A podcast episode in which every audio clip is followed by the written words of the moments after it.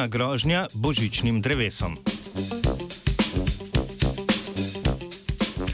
Ena najbolj trdovratnih nadlog pri gojenju božičnih dreves je plesen, ki povzroča gnilobo korenin.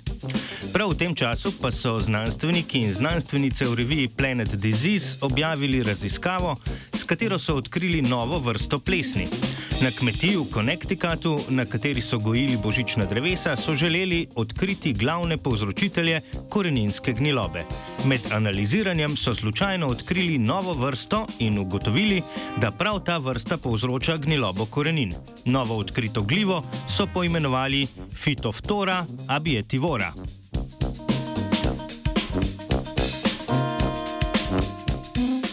Veliko jelk se goji z namenom, da nekoč postanejo božična drevesa. Ena izmed kvalitetnejših vrst jelk je Abies frazeri.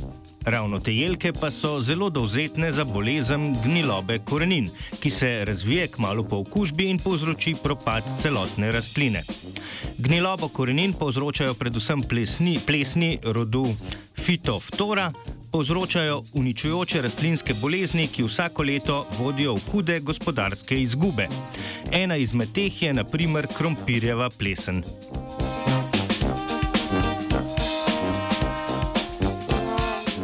V prej omenjeni raziskavi so raziskovalke in raziskovalci vzorce izbrali na podlagi blede barve iglic. Iz teh rastlin so na to izolirali izseček iz stebla in ga ustavili v meso jabolka.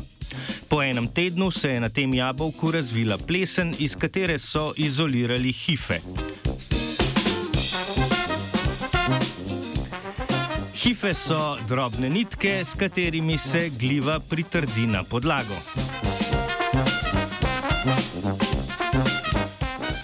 Hife so gojili na različnih gojiščih. Spolni organi novo odkrite plesni Phytophthora abietivora so se razvili zgolj na gojišču, ki so mu dodali ekstrakt korenine ogrožene vrste jelke. Nastale strukture so opazovali z mikroskopom in ugotovili, da se razlikujejo od drugih vrst rodu Phytophthora. Razvile so se namreč večje spore z debelejšimi stenami. Razlike so na to potrdili tudi s primerjavo petih genov. Analiza je pokazala, da je plesen Phytophthora abietivora sorodna ostalim vrstam rodu Phytophthora, a je hkrati dovolj drugačna, da jo lahko uvrstijo kot novo vrsto.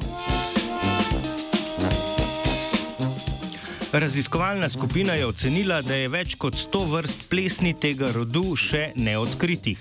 Veliko vrst gliv namreč spor v sterilnih laboratorijskih pogojih ne razvije, zato jih je veliko krat težko odkriti.